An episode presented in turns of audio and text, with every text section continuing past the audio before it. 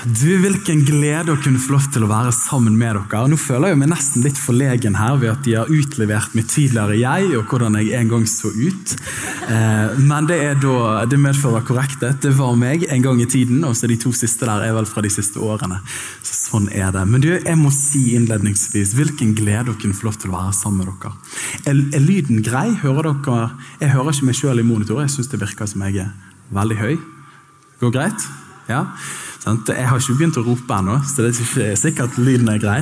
Men, eh, men du, jeg må si det er en glede å kunne få lov til å være her sammen med dere. Jeg, sånn som Marit sier, så er En av mine store interesser er å kunne få lov til å lese. og Helt siden jeg møtte Jesus som 13 år gammel, så ble det naturlig. Jeg kunne ikke fordra norsktimene før det, for så vidt ikke så mye etter, men jeg begynte i hvert fall å lese etter det. Da. Og da har bedehushistorien vært eh, til rik inspirasjon. da, Hans Nilsen Hauge. Så dette, nå er jo jeg sammen med en 158 år gammel dame her på IMS sin samling. Andre pinsedag 1864 i Uskedal. Der sa det shebang, og så ble dere til. Eller ikke akkurat dere, men de som levde før, og dere står i arven fra de osv. Så, videre. så jeg må si det er en glede å kunne få lov til å være her. Hadde gleden av å være på medarbeiderkonferanse på Lærvik bedehus tidligere i vår. Så dette er takk for at jeg får lov til å komme her. Og Når folk spør meg hvilken del av kirkelandskapet kommer du fra, det kan være at noen av dere liksom er litt avventende for om dere skal trekke på smilebåndet før du har plassert meg. Eh, men jeg, eh, jeg pleier å si at jeg er en krysning mellom indremisjonsmann og pinsekarismatiker. Ja, Det kan være at det er litt mye av det gode. Jeg tror at den krysningen der kan være utsøkt. Eh, så det er noe av min arv. Jeg vokste opp i den evangeliske lutherske frikirke i Åsane. All right. Men du, hvilken glede. Jeg håper at du er klar for et gudsord i kveld. Er du det? Ja. Så bra. Her var det noen forsiktige, karismatiske nikk og ja. Det satte jeg pris på. Takk for det.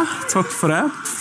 Du, Utrolig utrolig stas. Du, Bare for å, ha en liten innledning, så du vet litt mer hvem jeg snakker til her. Jeg har prøvd å få opp en powerpoint der bak.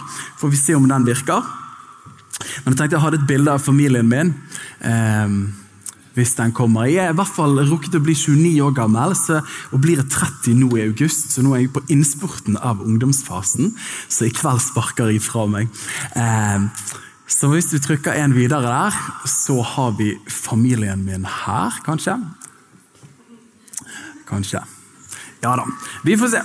Uansett, bor i den fineste bydelen som jeg vet om, nemlig Åsane bydel utenfor Bergen. En glede å få lov til å bo der. Er gift, har en kone som heter Helene, og sammen så har vi blitt velsignet med to barn. En gutt eh, som heter Jakob, som er to år gammel, og en datter som heter Anna, som er fire år gammel. Så det er veldig, veldig fint. Eh, kanskje det bildet kommer, kanskje ikke. Uansett.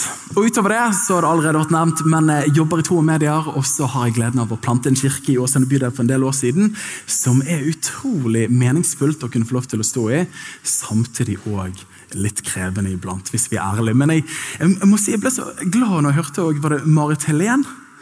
Ja. ja altså Han har jobbet her siden 75-76.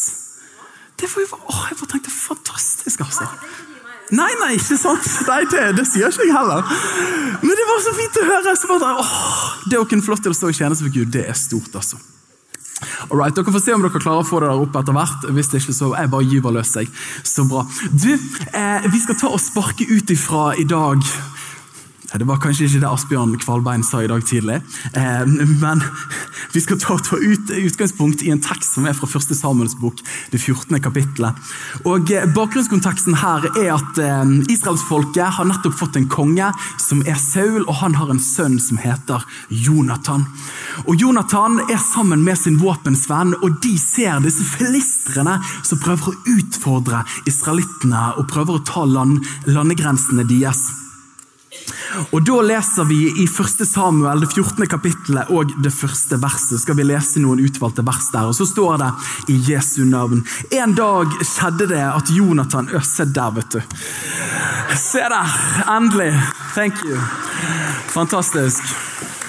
Dette her er fra noen uker siden når vi var på en eh, liten tur til Spania. For det er det man kan når man jobber i kristen tjeneste. Det kan man ta en fri når man vil. Eh, så det, det er familien min. så det er bra. Eh, hvis du tar neste, så har jeg noen podcaster. Det er allerede blitt nevnt. Eh, det er jo ungdomspodkasten, men Marit, jeg liker at du holder deg ung. Og alder det er jo en holdning og ikke et årstall. Eh, også neste podkast er Bibel på podkast. Det er den jeg er mest fornøyd med av de alle. Hvis du trykker en til. Det at For en tid tilbake så leste vi inn hele Bibelen på podkast. Jeg vet ikke hvor mange som hører på podkast der inne, men det er en veldig fin Ikke sant? Nå skal ikke jeg forhåndsdømme. Eh, fantastisk. I går så møtte jeg en kvinne i går kveld som kom til meg og så sa hun eh, jeg har ikke møtt deg før, men, men jeg vil du skal vite at jeg har hørt på deg i timevis. Da ble jeg jo litt bekymret, for jeg tenkte hva er det hun har hørt? Eh, men så sa hun jeg hører på når du leser Bibelen. Så ble tårene, eh, øynene fullt av tårer og sånn dyp takknemlighet for at hun har fått lov til å høre Guds ord. Og da tenkte jeg åh, dette er verdt det. Så vi har flere hundre tusen nedlastninger på denne podkasten. Utrolig gøy. Og når jeg satt og spilte den inn, og nå sitter jeg på Tertnes bedehus, IMF-bedehus, bare for å ligge den inn der. Eh, og så husker jeg, så pleier jeg å tenke på med Guds ord til folket som ble nevnt i sted. Tenk at nå får jeg spille Bibelen inn på podkast, og vi når 100 000 kunstner. Er ikke det virkelig oppfyllelsen av den misjonsstatementen som Indremisjonen har hatt i så mange år? Så jeg følte meg skikkelig indremisjonsmann når jeg sitter og leser en bibel her. Så det er veldig fint. Jeg anbefaler deg å høre Guds ord på bergensk hvis du vil det. Det er jo fantastisk. Det blir jo aldri mer levende enn det.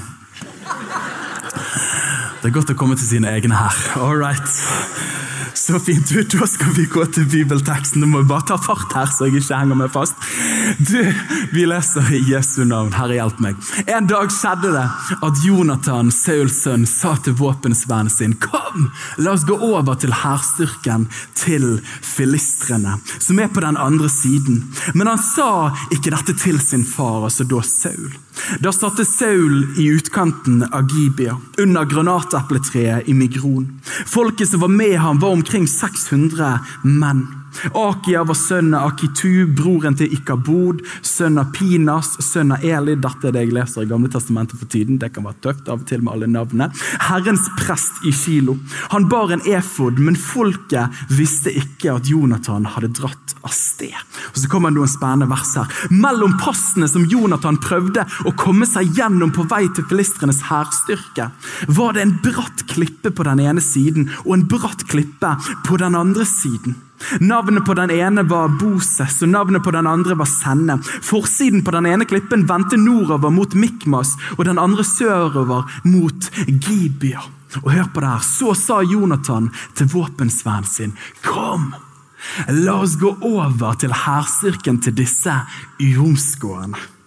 Det kan hende hør på det her, det kan hende at Herren vil gjøre noe for oss. For det er ingenting som hindrer Herren fra å frelse, enten ved mange eller det få. Så tar de fatt og de går opp til fiendestyrkene som står mot dem. Og så vinner de en stor seier. Og så står det her også de hebreerne som holdt lag med filistrene. Altså de, de som hadde gått over til fienden før den tiden, og som hadde dratt opp med dem i leiren fra landområdene omkring, slo seg sammen med israelittene som var med Saul og Jonathan.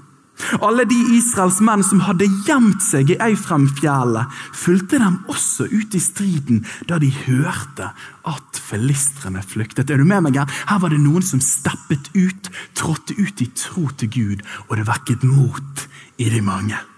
Slik reddet Herren Israel på den dagen, og striden flyttet seg bortenfor Bet Aven. Jeg har òg et ord fra Jesaja, et velkjent vers for flere av dere. Men husk ikke på de første ting. Tenk ikke på det som var før. Se, jeg gjør noe nytt. Kan du si nytt? Takk. Nå skal det spire fram. Skal dere ikke kjenne det? Ja, jeg skal sannelig lage vei i ødemarken og strømmer i ørken. Åh, jeg preker meg salig før jeg har begynt. Valgt å kalle de ordene jeg skal dele med dere i dag, for tørr å tro igjen'. Tørr å tro igjen. Herre, vi takker deg for disse øyeblikkene. Og vi ber Gud den hellige ånd, vil du la ditt ord bli levende til oss i dag? Ikke bare til å berike vårt hode, men til å berøre våre hjerter. Så vi drar herifra i dag forvandlet og fremoverlent i tro og forventning til hva du kan gjøre. Og alle sammen sa amen, amen. Du, så fint. Du, jeg vet ikke om du har merket det, men vi alle har vaner i livene våre. Og De fleste av oss hvis vi er ærlige, liker ikke forandring så altfor godt. Og Vi faller fort tilbake til det kjente og det forutsigbare. Er ikke det en, en erkjennelse vi alle gjør oss iblant? Og Jeg tenkte på det når jeg forberedte preken her i dag, når det kommer til liksom, vegringen for forandring. For forandring kan jo virke litt skummelt iblant. og det kan jo vi kjenne på. Så tenkte jeg på, Daniel, Hvilke er noe av de vanene du har som du bare ikke gjør noe med? Og Det første jeg kom på, var håndskriften min. Jeg nevnte norsktimene mine. Men jeg lærte meg trålig greit å skrive, og jeg har forstått at jeg burde investere mer tid i å få håndskriften min til å se bedre ut. Men gidder jeg? På ingen måte. Og Sånn tror jeg det er for flere her inne, at mange av oss vi har lagt oss til noen vaner og så tenker vi de funker tålelig greit, så jeg vet ikke om jeg gidder å endre det så mye. Eller så tenkte jeg også på min frue, så jeg har begynt på en doktorgrad i ekteskap med henne. Vi har begynt på vårt sjette år. Eh, så dette... Jeg har jo funnet min måte å uttrykke kjærlighet til henne på. Så det på de store milepælsdagene, Jeg er jo en retoriker, jeg liker jo ord, så da skriver jeg et fint kort. Og, og, det pleier jeg å gjøre. Det har jeg gjort nå i 6-7-8-9 år, og det funker. Why change a winning plan? liksom, sant? Eh, og så liker hun å bli massert av og til, så det gjør jeg. Så tenkte jeg, men Daniel, utfordrer du deg på å uttrykke kjærligheten til din kone på nye måter? Det er en sånn offentlig bekjennelse jeg ikke har sagt til hun til dere. Eh, så tenkte jeg på, her har jeg nok en vei å gå. Nå skal ikke jeg ha en håndsopprekning på flere som kan kjenne seg igjen, men jeg tror det er to-tre par. Eller treningsopplegget for min del. De, altså det treningsopplegget jeg holder på med, de øvelsene de har jeg hatt i ti år nå. For dette er jo så greit, for jeg kommer meg gjennom dem, for det er jo ganske enkelt. Sikkert det er meningen, men sånn er det. For jeg har lagt meg til en vane, og jeg syns at forandring det bare koster for mye i hverdagen. Eller klesstil. Altså, jeg, Noen vil jo tro at jeg bruker mye tid på klær iblant. Altså, Jeg kjøper aldri klær, nesten. For dette er jo så tiltak å gå og handle klær. Og Der vet jeg at jeg ikke deler det med alle. Det er en del kvinner som bare det er den enkleste nådegaven jeg har fått. Eh, men uansett, vaner er naturlig, og vi syns forandring kan være krevende. Og ikke minst også når det kommer til gudstjenestelivet og tjenesten. Jeg har funnet en måte å preke på, og jeg syns det funker ganske greit. Men å endre måten man preker på, nei, hvorfor gjøre det? Eller måten vi gjør gudstjenestene våre på. Liturgien og Ja, du tenker kanskje har dere liturgi? Vi har noen innslag iblant. Men ordningen der er ganske lik. Folk klager jo ikke, folk er jo ganske happy, så det må sikkert funke greit. Eller for den del nye initiativ i menigheten som er leder. Nei, ikke altfor mange. Vi har jo mer enn nok med å bare vedlikeholde det vi. Og Gud forby at vi skal legge noe ned. Det ville jo vært forferdelig. Så dette, Vi faller tilbake igjen til det kjente og til vane. Og En historie jeg hørte tilbake, var om Henry Ford, denne kjente amerikanske næringslivslederen og oppfinneren. Han startet i 1903 i Dearborn, Michigan, The Ford Motor Company. Og Han hadde en visjon i sitt hjerte. I want to make a car that is affordable som er rimelig nok for den vanlige arbeider. That is big enough for a family. Som kan brukes til små ærender, men òg familieturen til sommer til Lyngdal bibelcamp. Og Det var visjonen han lå ut med, og i 1907 så lanserte han modell T. Og Jeg vet ikke hvor interessert du er i bil, men det er sikkert noen herrefolk her inne som bare tenker yes. For i 1907 lanserte han den bilen, og i 1914, vet du hva?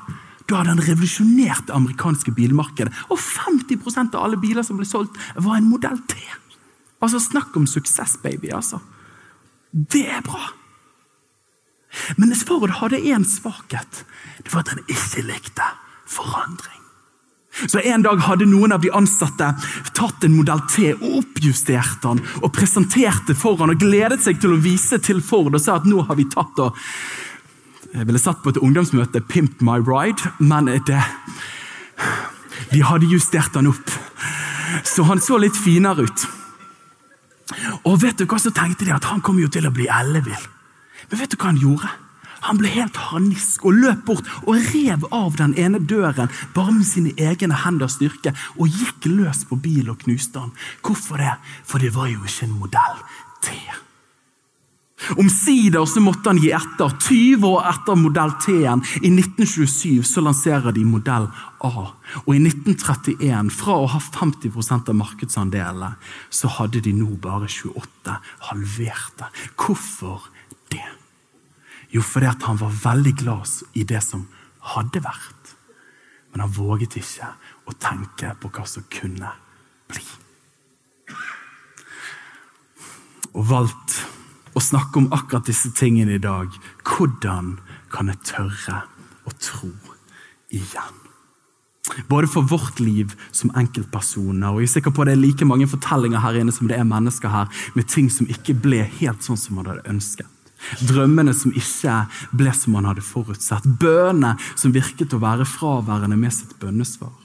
Men mer enn bare for oss som enkeltpersoner òg. Men nå når jeg har gleden av å være med denne gamle damen i MS, tør vi å tro igjen at Gud vil gjøre noe nytt.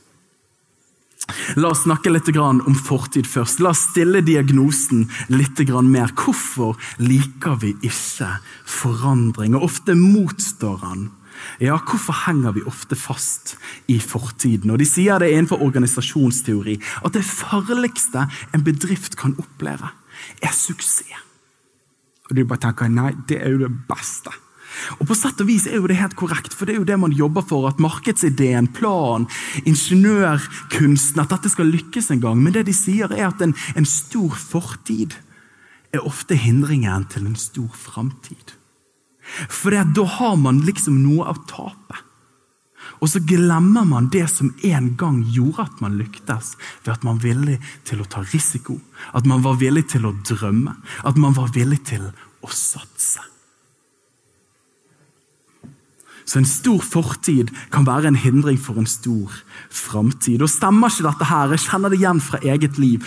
At sånn som jeg sa, at Hvis du liksom klarer ting tålelig greit, hvorfor ta sjansen liksom på å miste det man har, for å få noe som er enda bedre, hvis jeg ikke er garantert at det blir bedre?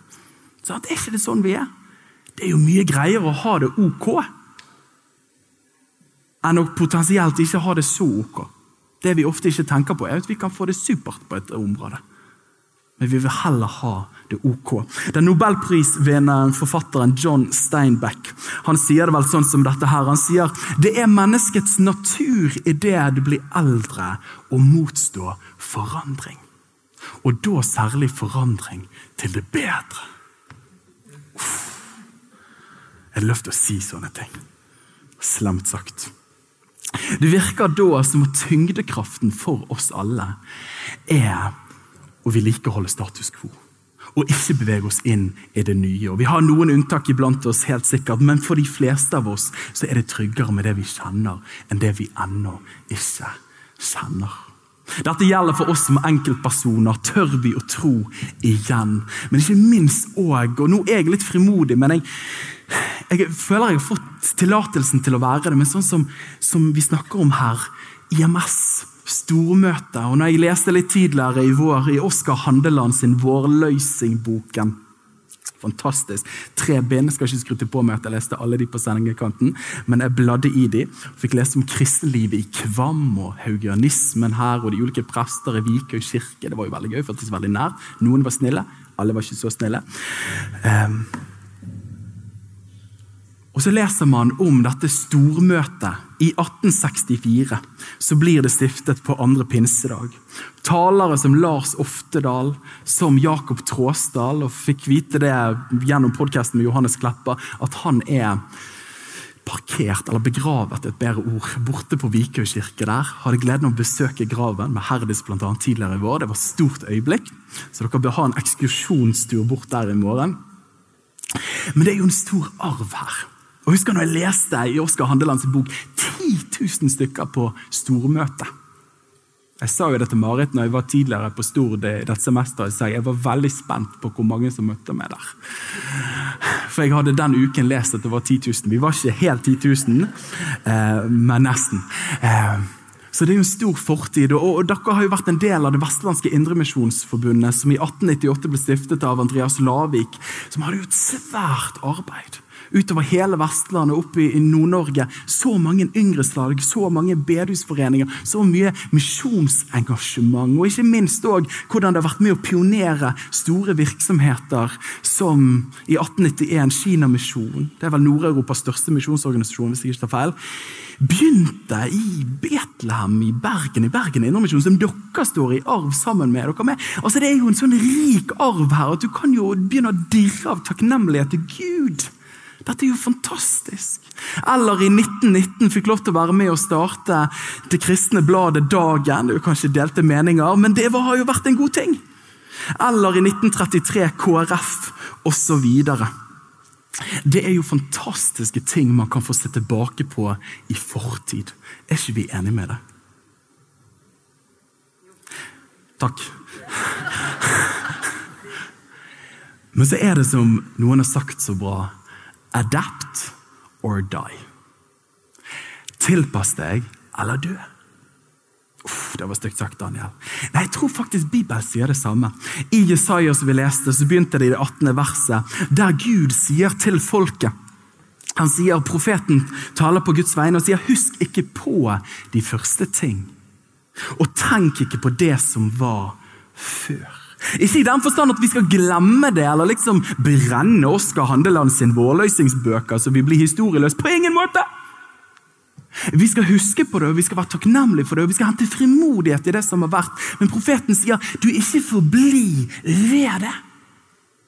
Fordi at tiden beveger seg videre om vi vil eller ikke. Mennesker og samtiden beveger seg videre om vi vil eller ikke. Da må òg gudsfolk òg bevege seg videre, sånn at vi både lytter til vår samtid, og at vi òg kommer i tale med vår samtid, og ikke det som en gang var vår samtid. Og Nå tuller jeg litt med min egen bakgrunn, men jeg er jo vokst opp i frikirkelighet og svart belte i det. Og har vokst opp i et bedehusliv i Åsane. og Av og til pleier jeg å tulle når jeg reiser rundt. Så sier jeg at oi, det var kjekt å komme her. Jeg trodde ikke tidsmaskiner fantes helt til jeg kom inn her. Tilbake på 50-tallet. Plutselig heklet Jesus på veggen. Fantastisk. Sant? Og nå tøyser jeg litt. Jeg har vokst opp med det her. Men den opplevelsen av at idet jeg kom inn i mitt møtelokale, så bare forlot jeg den verden som var oppdatert, og så reiste jeg tilbake i tid. Jeg tenker Det er en utfordring. At vi må ikke forbli der, for tiden går videre, og Gud gjør nye ting. Jeg blir giret. Swissklokker er jo noen som har, og noen som har råd til. I 1940 så var de noen av de fremste klokkemerkene i hele verden. Det er jo en samlebetegnelse for sveitsiske klokker. I 1940 så hadde de 80% av alle klokker som ble solgt i verden, kom fra Sveits. Og så På slutten av 50-tallet så kommer det en type som sier han, I have an idea. What about uh, digital clocks? Og så sa de det vet du hva, det gidder vi bare ikke, for vi har de beste klokkene som finnes. Så de ville ikke høre på han, så han gikk heller til Seigo og solgte ideen om digitalklokker. I 1940 så hadde Swissklokkene 80 000 ansatte for å lage klokker. Nå så har de 18 000. Og Det er jo ikke så ille, det heller. Men tatt i betraktning at 80% av alle klokker som selges i dag, er digitalklokker.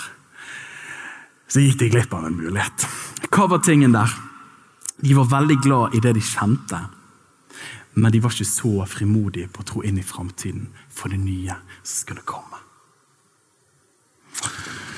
Og Hvis det er én ting som aldri forandrer seg, så er det at forandring alltid kommer til å være her. Nå skal jeg ikke jeg, jeg til oss alle her i dag. Så det at fortiden er bra. La oss hente frimodighet i fortiden. Men ikke for å forbli der. For Gud kaller oss ikke til å være en byste i fortiden, men å være en bevegelse i framtiden. For hva er det profeten sier videre? Han sier tenk ikke på det som har vært, på de tingene som har vært. Og så fortsetter han i det 19. verset i 43, 19. Jesaja, så sier han se, jeg gjør noe nytt. Nå skal det spire fram, skal dere ikke kjenne det? Ja, jeg skal sannelig lage en vei i ødemarken og strømmer i ørken. Og nå snakker vi om nåtiden. Og Utfordringen og det profeten sier, og som et ord til oss i dag, er at vi ikke skal være som strutsen som tar hodet ned i sand og later som alt står i ro og sier na, na, na, na, na. Alt er som før. Nei, profeten sier se. Og det er jo i bydeform, hvis jeg har lært meg norsk rett. Han sier se. Med andre ord, observer. Ta inn. Len deg framover. Hva er det Gud gjør i dag? I nåtiden. Ikke bare det han gjorde, takk han for det, men tiden og Gud sjøl beveger seg i øyeblikket. Hva er det han gjør nå? Profeten Habakuk i det andre kapittelet, han uttrykker denne lengtende holdningen, denne forventningsfulle holdningen til hva Gud skal gjøre på en glitrende måte. Han sier, 'Jeg vil stå på min vaktpost og stille meg på festningsmuren.' 'Jeg vil holde utkikk og se hva Han vil tale til meg.' Er dere med meg i kveld? Altså Den forventningen, den sitrende forventningen til at Gud, jeg er så utrolig glad for det som skjedde. Herre, jeg er strålende fornøyd med det du gjorde før. Jeg er så glad for at jeg får stå i denne arven, denne tradisjonen. Men Gud, jeg kan ikke leve på det som var en gang. Som enkeltpersoner, men òg som bevegelse. Herre, hva gjør du i dag? Og som Jesus sier i Matteus 4,4, han sier at mennesket lever ikke av brød alene, men av hvert ord som går ut av Guds munn. Og Det står vel i, i prestens partisipp, hvis jeg ikke tar feil. Så det Gud taler og taler og taler i dag Og Nå hører jeg liksom en gammel predikant i bakhodet mitt som sier du kan ikke leve på gårsdagens manna. Og Du har helt sikkert hørt en av de prekene òg, men det er sant. Vi kan ikke leve på det han en gang bare talte, men hva taler han nå? Paulus uttrykker det også i Filipperne, det tredje kapittelet og det 13. verset. Han sier søsken, jeg tror ikke om meg sjøl at jeg har grepet det, at jeg er uteksaminert, at jeg er ferdig liksom og fått diplomen. Nei, nei, nei. nei. Ett gjør jeg. Jeg glemmer det som er bak. Og så strekker jeg meg ut etter det som er der framme. Etter det som ligger foran. Ikke bak, foran. Jeg jager mot målet, mot den seierspris som Gud fra det høye har kalt oss til i Kristus Jesus. Gud ærer fortiden. Og vi skal leve i takknemlighet til den som Salme 103 lærer oss. Glem ikke alle hans velgjerninger. Men Gud virker i nåtiden. Og skal vi være med på det han gjør, så trenger vi å leve her og nå. Den kjente britiske forkynneren i det forrige århundret, Smith Wigglesworth, han sa det sånn som dette her, at aldri ser deg tilbake og forbli der hvis du ønsker Guds kraft i ditt liv. Du vil finne at i samme grad som du har tillatt deg sjøl å leve i fortiden, har du gått glipp av det Gud ønsket å gjøre for deg i nåtiden. Et av de versene som har talt mye til meg det siste året, har vært fra Apostlenes gjerninger, det 13. kapittelet. Og Der taler Paulus om David. Han tar en kjapp kristendomsundervisning eller frelseshistorieundervisning. Og Så kommer han til David, og så summerer han opp livet til David i det 36. verset der. Og Så sier han at for etter at David hadde tjent Guds vilje i sitt slektsledd, la han seg til hvile hos sine fedre. En annen oversettelse sier «After David had served the purposes of God in his generation». Etter han hadde tjent Guds hensikter i sin generasjon. Og Det har vekket bønn i mitt liv. Herre, jeg har lest om Johannes Brandtzæg. Jeg har lest om Ludvig Hope. Jeg har lest om Nils Lavik. Jeg har lest om Jakob Tråsdal. Herre, de tjente din vilje i sin samtid. Jeg takker deg, Gud, for det. Jeg er her i dag fordi de var lydige mot din vilje i sin samtid. Men Herre, jeg kan ikke leve på det. Herre, hva taler du til min generasjon? Herre, i den sekulære tilstand som vi befinner oss i nå, der vi bombarderes med budskap på våre smarttelefoner som har gjort oss langt mindre smart. Og Herre, når vi bombarderes på skjermene, når vi leser disse artiklene, alt som møter oss Herre, hvordan kan jeg kjenne og følge din vilje i min generasjon? Det har blitt en bønn for meg. Jeg har lyst til å dele den bønnen videre til dere òg. Som enkeltpersoner, men òg bevegelse. Herre, hva er din vilje for mitt liv i dag? Og Herre, hva er din vilje for vår, vår bevegelse i dag? Tenk å kunne få denne testen. Jeg har tenkt på det. Liksom, en av de tingene kunne skrevet på en gravstein. Tenk om det kunne stått. Han tjente, hun tjente Guds vilje i sin levetid. Åh! det å få et bedre vitnesbyrd enn det? Tenk på det, da, venner. Vandre tro mot Guds kall alle sine dager. Fullførte løpet. Levde ikke som en museumsvokter i fortiden. Nei, nei, nei, Var lidenskapelig opptatt av å skrive historie med Gud i samtiden. Halleluja.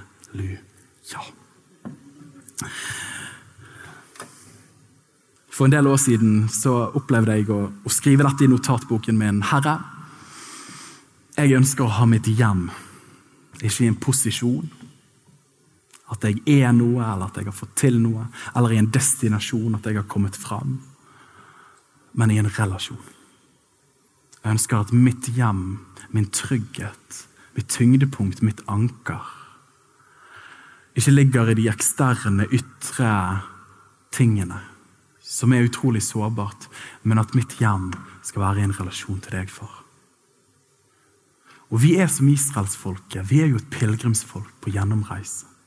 Dette er ikke et varig sted. Hebreeren 11 sier det. Men vårt hjemland, vår trygghet, vårt virkelige hjem, er jo i vennskapet med Jesus. Som gjør at, at, vi kan være frimodige når det kommer til forandring. Vi, vi er ikke gift med, med sånn som ting er. Vi har forpliktet oss og er trolovet med Jesus. Og jeg tenker på det at, at når mine unger, mine barnebarn, når de leder kirken når jeg er gammel, så jeg har tenkt på det at hvis da lovsangen er en DJ med røykmaskin, og folket bare kobler med Kristus, da, så skal ikke jeg være han som bare Å, jeg husker det var så mye bedre før i tida. Når vi hadde, når vi hadde Hillsong. Det var så bra. One way Jesus. og så Da kom ånden, altså. Så disse tingene her må vi bare slutte med. sant? Og når jeg sier Hillsong, så er det noen av dere som tenker No! Sangboken. Jesu navn bryter det. Sånn? Og så er vi i gang. Og jeg bare tenkte at vi, Poenget mitt er at vi er ikke gift med de ytre tingene. Det vi er forpliktet til, er jo relasjonen til Han. Ikke sant? Vi skal være tro i vår samtid. Og denne her holdningen av tro tror jeg Jonathan som vi leste om i bibelteksten bare Hvis du føler jeg preker lenge, så har jeg vokst opp i en sammenheng der vi prekte på kalender og ikke klokke. så du bare har meg unnskyldt. Men, eh, men jeg syns Jonathan uttrykker denne holdningen og tro på en vakker måte. og Denne teksten har vært viktig for meg i min tjeneste. For her er Jonathan og våpensvernet hans. De har kommet seg bort fra faren og litt etablerte og satte. Og så sier Jonathan, litt sånn framoverlent, sikkert bergenser, en IMS-er, framoverlent, og så sier han hei. Det hadde ikke vært kult om Gud gjorde noe stort der. Og Jeg bare digger den holdningen og tro. Han sier 'tenk om Herren ville gjøre noe for oss'. Det er ikke deilig? Jeg kommer jo fra den delen av kirkelandskapet der sånn jeg vet ikke om jeg kan gjøre noe før jeg har fått et ord eller jeg vet ikke før jeg har fått et profetisk tale eller før jeg har sett en engel. Vi venter og ser helt til skyen beveger seg videre. Sånn? Det er litt der jeg kommer fra, som blir liksom passiviserende. At vi liksom bare venter på at når er det liksom Gud kommer og sier 'gå'. Breaking news. Han har sagt 'gå' mange ganger allerede. Men hva er tingen her? Jo, den holdningen av tro. Jonathan visste hva som var Guds generelle vilje. At Gud ville at israelsfolket skulle blomstre og ikke være undertrykket. Og så hadde han ingen skrift på veggen eller englebesøk, men han hadde en forventning og sa at kanskje Gud kan gjøre noe. Jeg vil heller satse og at det ikke skjer noe, enn at jeg bare forblir her. Og så har vi det sånn som vi alltid har hatt om minst sesongen, og det var fint. Men jeg fikk aldri se hva som kunne bli. Er dere med meg? Noen har sagt det bra at den største feilen man kan gjøre, er å være redd for å gjøre en feil. Denne ånd av tro, kanskje Gud vil gjøre noe for oss. Og Det er vår historie når vi plantet kirke i Åsane bydel. 40 000 mennesker, ingen evangelisk frimenighetforsamling der, som samlet mer enn 30-40 stykker på en søndag. Ingen unge voksne uttrykk for menighetsliv i vår bydel. Det er jo en tragedie. Det burde jo ikke vært sånn. Og Det kan jo ikke være sånn at en oppvoksende generasjon ikke har anledning til å høre evangeliet i vår bydel fordi at ingen gidder å gjøre noe, fordi at alle drar til store menigheter i Bergen sentrum. Det holder jo ikke. Og da kjente vi vet du hva, vi har ikke hatt englebesøk, vi har ikke sett Skriften på veggen, men Herre, vi kjenner din generelle vilje. Det at mennesker skal få høre evangeliet, og at mennesker skal få mulighet til å respondere. Vi bare må gjøre noe. 21 år gammel, akkurat konfirmert samlet da hun som var min kjæreste, og så er nå min kone, eh, samlet hun og noen venner i stuen til mamma og pappa og sa mamma, kan du lage vafler til oss, vi skal starte kirke. Og hun bare veldig bra. Og vi begynte der. Og i dag så vi, får vi lov til å være en levende flergenerasjonsforsamling i Åsane bydel. Intet sterkt englevind eller ord fra himmelen, men vi kjente en kallelse i behovet vi så rundt oss. Og vi hadde denne Jonathans-holdningen. Kanskje Gud kan gjøre noe for oss.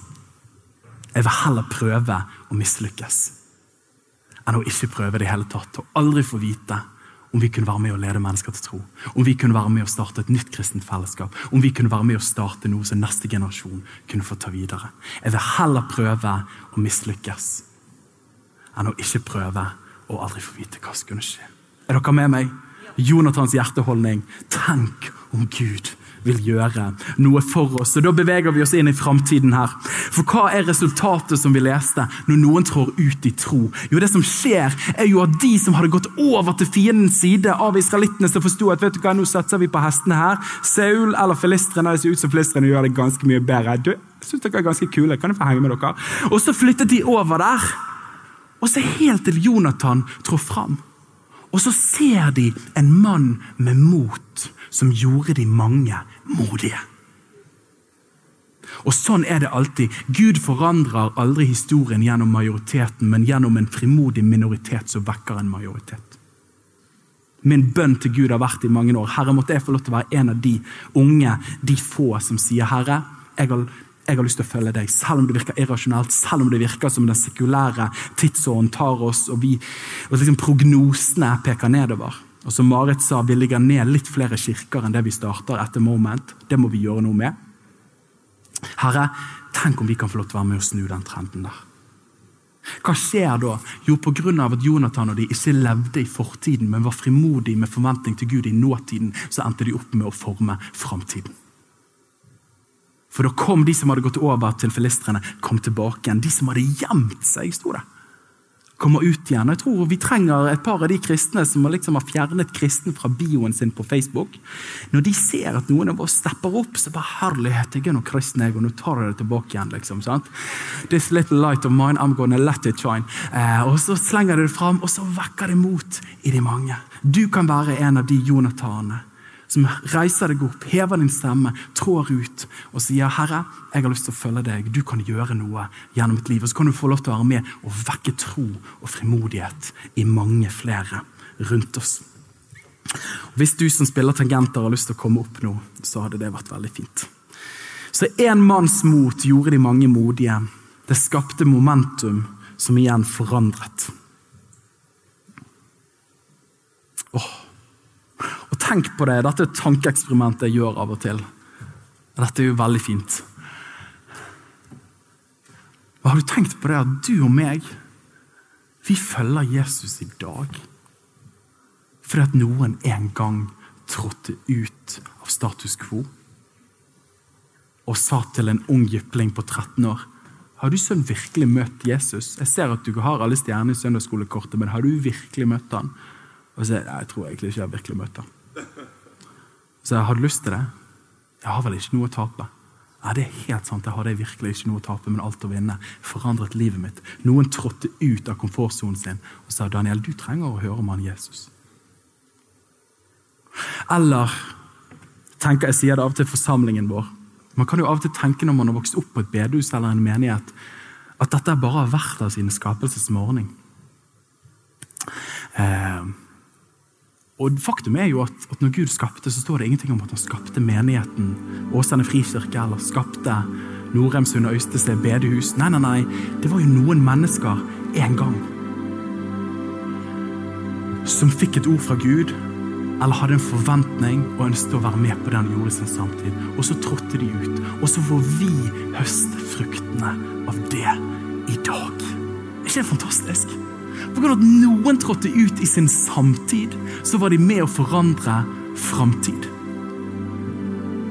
Og Da sier jeg til folkene mine hjemme, og jeg har lyst til å si det til dere. Og jeg vet det er utrolig mange tapre mennesker her, som vi har hørt om flere, som har jobbet i tjenesten, og som har, som har strikket til Madagaskar, og som har oppdratt kristne barn, og som har bygget kristne skoler. Det er fantastisk. Men så er jo utfordringen til oss alle skal vi òg være sånne folk? Som tar et Jonathan-steg i tro i sin samtid. Sånn at vi kan forme noe for vår framtid. Som neste generasjon kan få lov til å stå på igjen. Et vers fra Hebreabrevet, det 13. kapittelet, og det syvende verset. Kom over nekrologen til min oldefar fra Viksdal i Sunnfjord. Og Der står det at han var et hovud høyere enn de fleste, både lekamleg og andelig. Og han ble vel gravlagt i 1965, var det vel. Og så er det sterkt, vet du. Jeg sitter og gråter og bare sånn Å, var dette min oldefar? Og så står det at han var en leier for, for gudsfolket i bygda og var pioner for å reise bedehuset. Og han mintes ofte vekkelsen som for over dal i 1922. Så står det oppsummerende på slutten der. Kjære berørt her. Så står det oppsummerende på slutten. Han som forretter, soknepresten som forretter, siterer hebreerne det 13. kapittelet og det 7. verset. Så sier han, husk på veilederne deres. De som talte Guds ord til dere. Jeg vet ikke hvem det er for din del. Og ikke minst i bevegelsen deres, noen av disse toneangivende folkene. Lars Oftedal, Jakob Tråstad, Ludvig Hope. De som talte Guds ord til dere. Så står det Følg etter deres kulturelle uttrykk. Nei, det står ikke det. Følg etter deres sangpreferanser. Nei, det står ikke det heller. Følg etter kulturen de var i. Nei, nei, nei. nei. Det står 'forlatter deres tro'. Forlatter deres tro. De var banebrytende i sin samtid. Skal vi vandre tro mot det forbildet de har ettergitt oss, skal jeg vandre tro mot min oldefar sitt forbilde, så er ikke det at jeg drar til Viksdal og begynner å hamre på det bedehuset. Nei, nei, nei, nei. Det ville vært å bomme. Da konserverer jeg, vi er konservative, da konserverer jeg et kulturelt uttrykk som alltid vil være i forandring. Men det jeg er kalt til å konservere og etterfølge, er den troen som de hadde.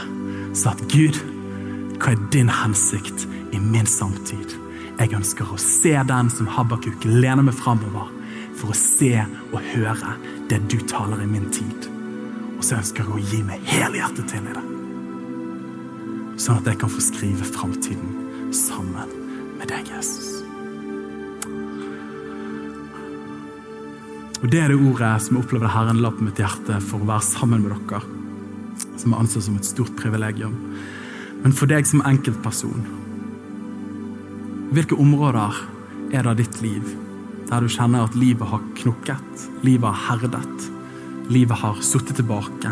Jeg har bare forsont meg med at dette ble rommet jeg lever i innenfor. Men jeg tror han har talt om noe annet. Men jeg vet bare ikke om jeg orker forandring. Jeg vet bare ikke om jeg orker å trå ut igjen. Tror jeg Guds ord til deg i dag, vil du tørre å tro igjen. Vil du tørre å tro igjen? For hva hindrer vel Herren fra frelse? Ved mange eller ved få, om han har prøvd tidligere eller ikke. Ingenting er umulig for han. Og for oss som bevegelse og som lavkirkelighet og bedehusfolk vil vi våge å tro igjen. Takk, Herre, for det du gjorde da.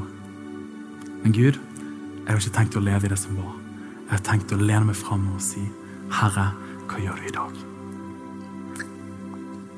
Amen. Kan vi ta og reise oss opp lett karismatisk, skal vi be sammen til slutt?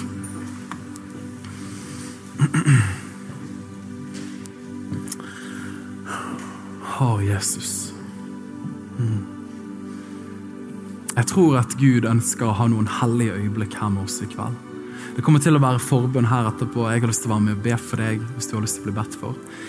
Men jeg tror nå rent kollektivt skal vi få lov til å gjøre noe sammen. Så hvis du er i dag, og hvis vi alle kan lukke våre øyne bare i respekt for hverandre, så har jeg lyst til å først gi den personlige invitasjonen. Hvis du er i dag og du kjenner Daniel, jeg merker at Gud kaller på meg. Jeg trenger å tro ut igjen. Jeg trenger å tørre tro på et område av mitt liv trenger å våge forandring selv om jeg syns det er skummelt. Hvis det er deg, så har jeg lyst til å være så frimodig og be deg heve din hånd forsiktig opp mens øynene igjen. Jeg ser hånden der, ja. Jeg ser henne der. Ser henne over hele rommet, ja. Så bra. Ja. Og Dette gjør du ikke for min del, men du gjør det for å si til Gud Herre, nå ser du meg. Herre, du vet hva livet har innebært. Du vet min fortelling. Men Herre, nå tar jeg et steg i tro i kveld og sier, Herre, jeg, jeg er villig til å våge å tro igjen. Å, fantastisk. Vær med meg i ditt hjerte. Herre, jeg takker deg for hver og en som hever en hånd til himmelen i kveld. Jeg takker deg òg for hver og en som hever et hjerte hvis man ikke våget å heve en hånd. Og Herre, du ser. Herre, takk for du er den Gud som ser. Du er den Gud som kjenner vår fortelling. Du er den Gud som vet hva vi har vært igjennom, Herre. Herre, men du sier aldri at det er en tid for å gi opp, Herre. Herre, men du sier 'se, jeg gjør' noe nytt. Og Jeg har bare lyst til å tale det ut over deg.